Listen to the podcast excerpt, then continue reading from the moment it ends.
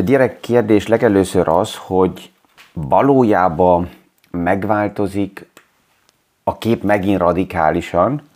vagy csak egyszerűen a normális piaci mechanizmusok hatnak, és ezért az a, az a radikális változás, hogy na akkor most megint minden más lesz,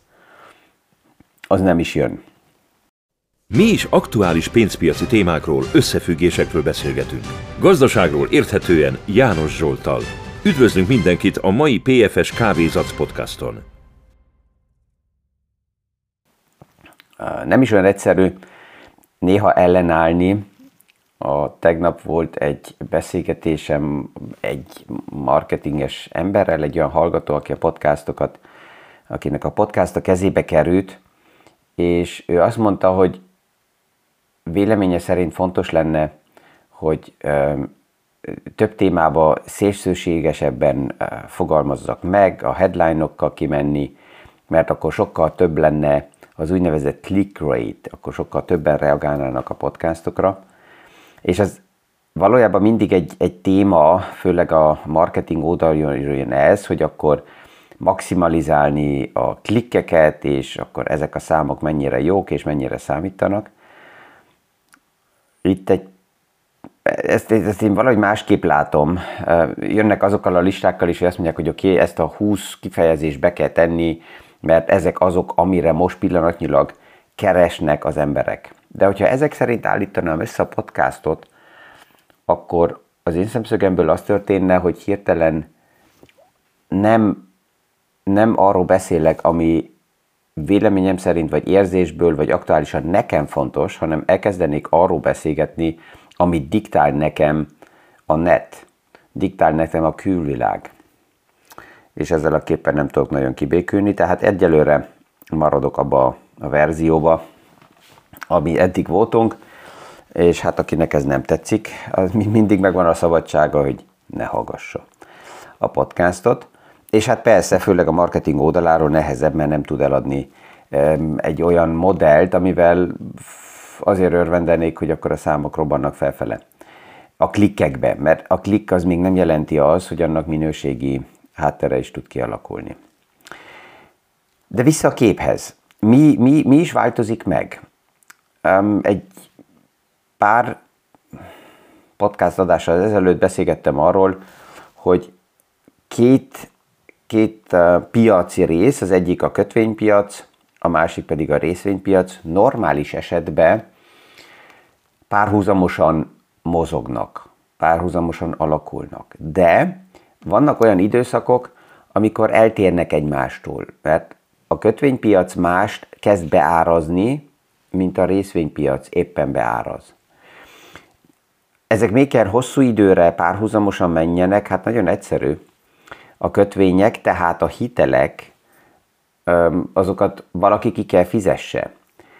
És ha egy vállalat majd kötvényt bocsájt ki, tehát hitelt vesz fel, akkor a vállalatnak, hogyha egészséges a fejlődése, akkor megfelelően alakul a részvény árfolyama, és akkor tudja törleszteni a hitelt, akkor nem kell növekedjenek a kockázati felárak, ki tudják fizetni a kamatot, és minden, minden működik. Hogyha a vállalatnak nem jól alakulnak a számai, akkor elméletileg a kötvényt tartó bebeszélheti magának, hogy nekem teljesen mindegy, hogy a vállalatnak a számai milyenek, mert nekem egy futamidőre kamat van ígérve, de hát hogyha a vállalkozás nem tudja kifizetni a kamatot, és nem tud törleszteni, mert nem jók a számok, akkor ez a védelem nem nagyon segített. Tehát a rövid ingadozásokban lehet, hogy a kötvény egy pici biztonságot ad, vagy valamennyivel többet, de a nap végén a kettő persze, hogy összefüggésben van. A, az év elején még a piac azzal a sztorival, azzal a narratívával indult el 2023-ban, hogy A. gyorsabban megjelenik a recesszió. Ha megjelenik a recesszió, akkor azt jelenti, hogy a központi bankok reagálni fognak. Kamattal, tehát nem emelik tovább a kamatot, akár csökkentenek, és ez azután mint sztori tetszik a, részvénypiacnak, mert a kamat csökkentés akkor az azt jelenti, hogy kedvezőbb a gazdaság finanszírozása, hogyha csak az amerikai piacot nézzük, akkor a kamatcsökkentés azt jelenti, hogy ez általában gyengíti a dollárt, ha a dollár gyengébb, akkor ez a globális piacon dolgozó vállalatoknak egy előny. És ezért a részvénypiac az év elejétől kezdve alapjában mélyponttól, októbertől nagyon-nagyon erősen beárazott egy, ezt a pozitív elvárási képet, és eltávolodott a kötvényektől. Párhuzamosan ehhez a központi bankok és az egésznek az élén J. Powell újra és újra mondta, hogy nem, fog, nem fognak a kamatok csökkenni 2023-ban, és legalábbis nem olyan gyorsan, mint amit a piac most pillanatnyilag elvár. És ez, ez úgy tűnt, hogy a részvénypiac ezt teljesen félretaszítja, és azt mondja, hogy ezt nem hiszem el. No way. Paul, te kamatot fog csökkenteni, mert recesszió lesz, és az infláció visszacsökken, és ezért túl sok ez a kamatemelés de időközben megjelent február elején ugye nagyon-nagyon erős munkaerő piaci számok, 100 ezer munkahely helyett 510 ezer új munkahely jött létre januárban, most közeledünk megint, hogy majd február, elej, február végén, március elején látni fogjuk a februári számokat, plusz megjelentek olyan számok, amik azt mutatták, hogy az infláció mégsem csökken olyan gyorsan tovább, hanem kb. 6,4%-nál dollárban megállt, plusz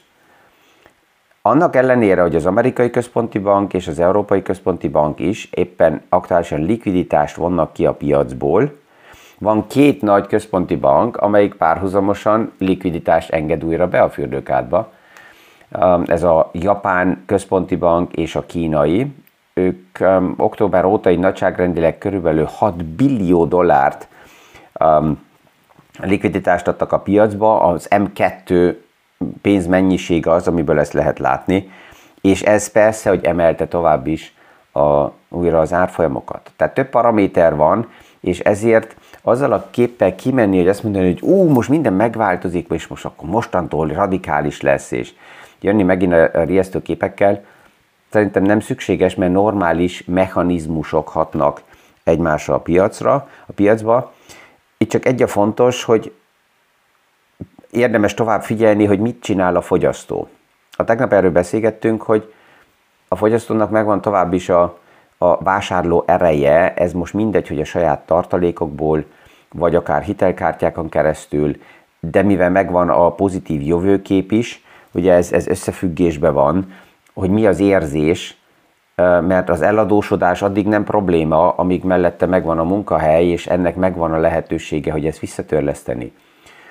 az akkor tud problémás lenni, hogyha billen a jövőkép a, a munkahely oldaláról, és a biztonság oda van, hogy a hitelt lehessen törleszteni. És ezért ezt figyelik a központi bankárok, hogy hogy néz ki a kereslet, mert hogyha a kereslet a kamatok miatt visszacsökken, és a központi bankok ezt akarják valójában látni, ez az elképzelésük, hogy az inflációt itt tudják a kereslet oldaláról csökkenteni, tehát ha a kereslet csökken, akkor csökkennek a vállalatoknak a nyereségei, és ha a vállalatoknak a nyereségei csökkennek, akkor ezt a képet kezdi beárazni a tőzsde, mert akkor neki nem annyira fantasztikus most venni, venni, venni, hanem akkor elég, hogyha egy ideig nem vásárol annyit a tőkepiac, és a nagy intézményi befektetőknél azt is fontos érteni, hogy ők nagyon erősen a nyereségeket nézik. Az intézményi befektetők főleg azzal a kérdéssel foglalkoznak, hogy a vállalatoknak a következő negyedévre nézre milyen a nyereség elvárásuk, ehhez képest megnézik, hogy hol áll pillanatnyilag az árfolyam, és ennek az arányából hozzák létre ugye a PE ratio, hogy a, az aktuális ár a hányszorosa az elvárt nyereségnek. És ez, ez a szám, ez nagyon döntő nekik, mert hogyha ez a szám megy felfele, tehát túl drága kezd lenni az elvárt nyereség megvétele, akkor fékre lépnek és nem vásárolnak annyit, hogyha ez a szám kezd alacsony lenni, tehát olcsón meg tudom venni a nyereséget, akkor érdekes vásárolni. A Standard Poor's Indexnél például ez az arány 15-ről 18-ra ugrott egy hónapon belül, és ez, ez elég, elég nagy mozdulás. Normális esetben így az átlag mozog 14-15-nél, boom fázisokban ez akár felmegy 21-22-24 irányába is, de a, a, az átlag szám így körülbelül 14-15 körül az egy egészségesebb paramétert mutat fel. Na most mi történik, hogyha például a negyedéves kilátásoknál a cégek azt mondják, hogy a következő negyedévben úgy látjuk, hogy kevesebb lesz a mars, kevesebb lesz a nyereség, akkor hirtelen az aktuális árfolyamhoz kevesebb nyereség azt jelenti, hogy ez az arány ugrik felfele, és akkor vissza kell a piac korrigáljon az árfolyamokba, és aktuálisan pillanatnyilag ezt teszi meg egy pár napja, hogy végre ez, a, ez az eltávolodás a kötvény és a részvénypiac ö, oldaláról, ez, ez, ez feloldódik azzal, hogy az árfolyamok korrigálnak vissza. Ha a nyereségek ugranak, és az árfolyamok megmaradtak a mai szinten, akkor hirtelen ez a PE ratio, tehát az arány, árfolyam nyereség arány, az csökken, hirtelen érdekesek lesznek a, a vállalatok, és akkor jön megint a vásárlóerő, főleg az intézményi befektetők oldaláról. Most csak bele kell gondoljuk, márciusban az már biztos volt, hogy kamatemelés lesz. Tehát a következő lépés, hogy azt lássuk, hogy a mostani kamatszint plusz márciusi kamatemelés milyen hatással van a fogyasztóra, ezt mikor fogjuk leghamarabb látni? Na ja, a második negyedév végén,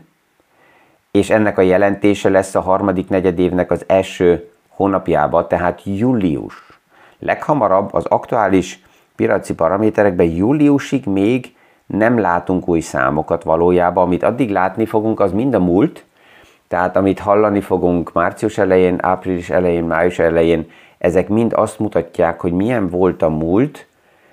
és itt már lehet, hogy számok jelennek meg, ami oda vezethet, hogy márciusban lesz kamatemelés, de lehet, hogy májusban nem. De a piac az aktuális paraméterek szerint egyelőre arra számít, hogy májusban is lesz. Sőt, egyre több az a gondolat és az a hang, hogy júniusban is kamatemelés lesz. Mert ha megmarad az erős munkaerőpiac, megmarad az erős kereslet, megmarad az er- a magas M2 likviditás,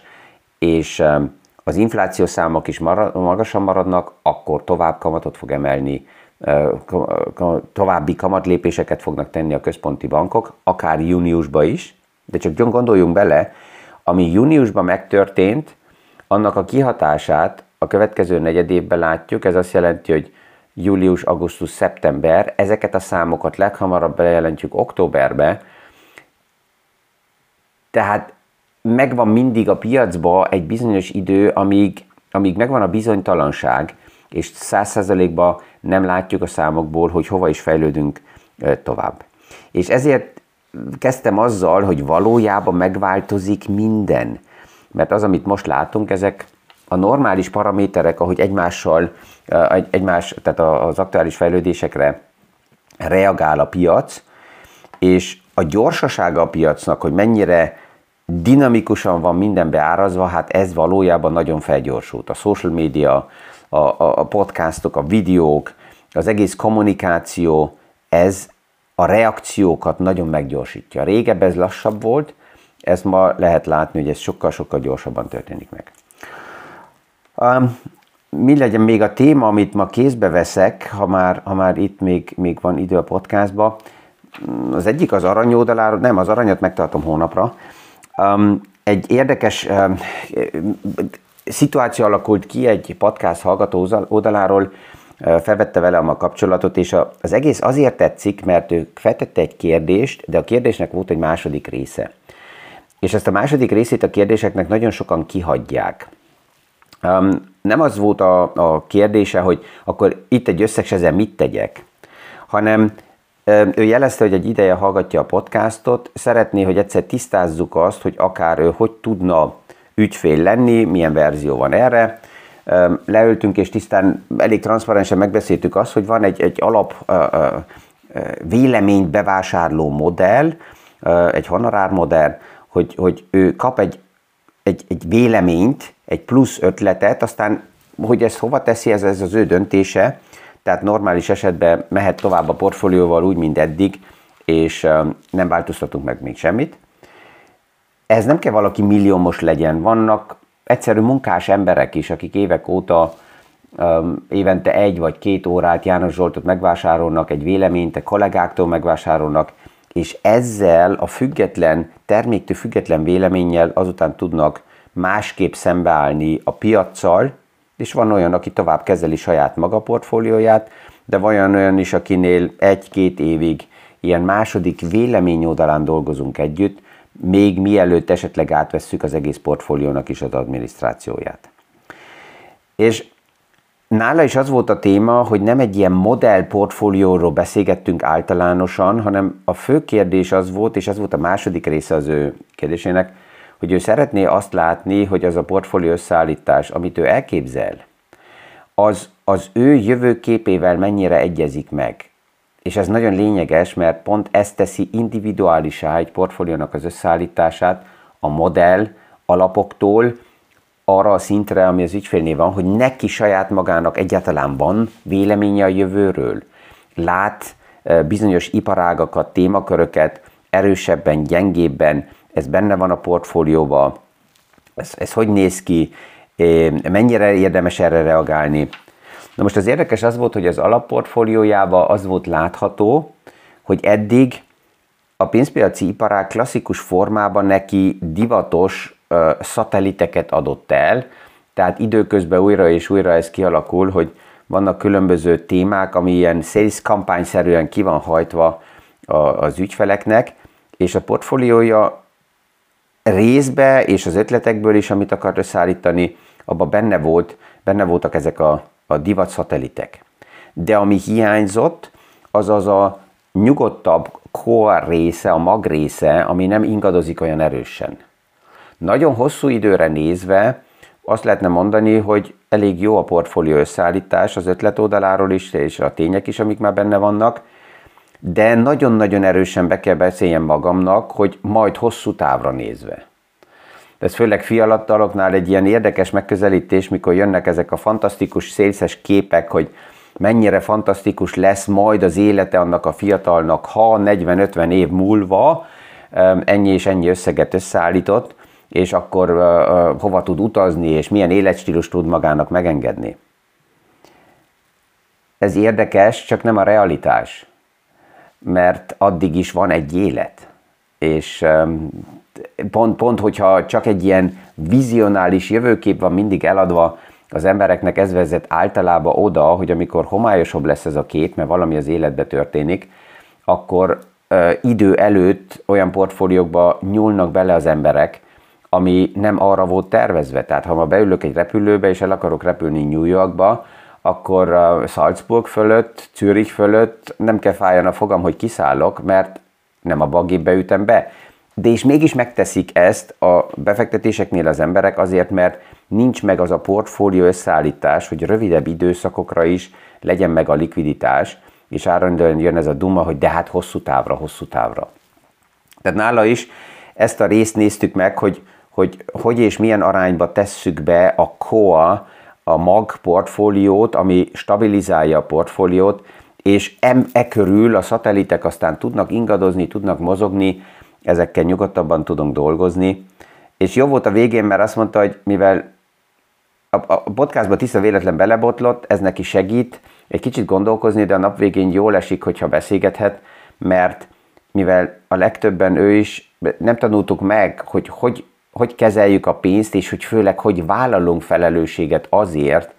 hogy azt a vagyont kezeljük, ezért nagyon sok embernél látom, hogy megjelenik ez a felelősségi nyomás, a döntési nyomás, hogy, hogy valójában helyes, és azt, amit összeállítottam, az passzol az életemhez, és hogy ezt a nyomást kivegyük, erre több paraméter van, de ez is segíteni tud. Remélem, hogy, hogy a podcastokban pont ezért hozok ilyen ötleteket, hogy ezt megbeszéljük, hogy aki ezt hallgassa, az, az érezze azt, hogy, hogy persze a marketing és a média ad nekünk rémhíreket, mert szeretik a, a click rate-eket felfele hajtani, de nagyon sok téma van, ami egyszerűen higgadtan, szinte unalmasan csak működik, mint az óra is, ott a fogaskerekek mozognak egymással, megvan a kihatás, és ez forgat egy nagyobb képet, hasonlóan látjuk ezt a tőkepiacon is. Ja, ezekkel a gondolatokkal ma megint elbúcsúzok, kívánok mindenkinek kellemes és sikeres napot, és um, örvendek, hogyha újra találkozunk a következő PFS Kávézatsz podcast alkalmából.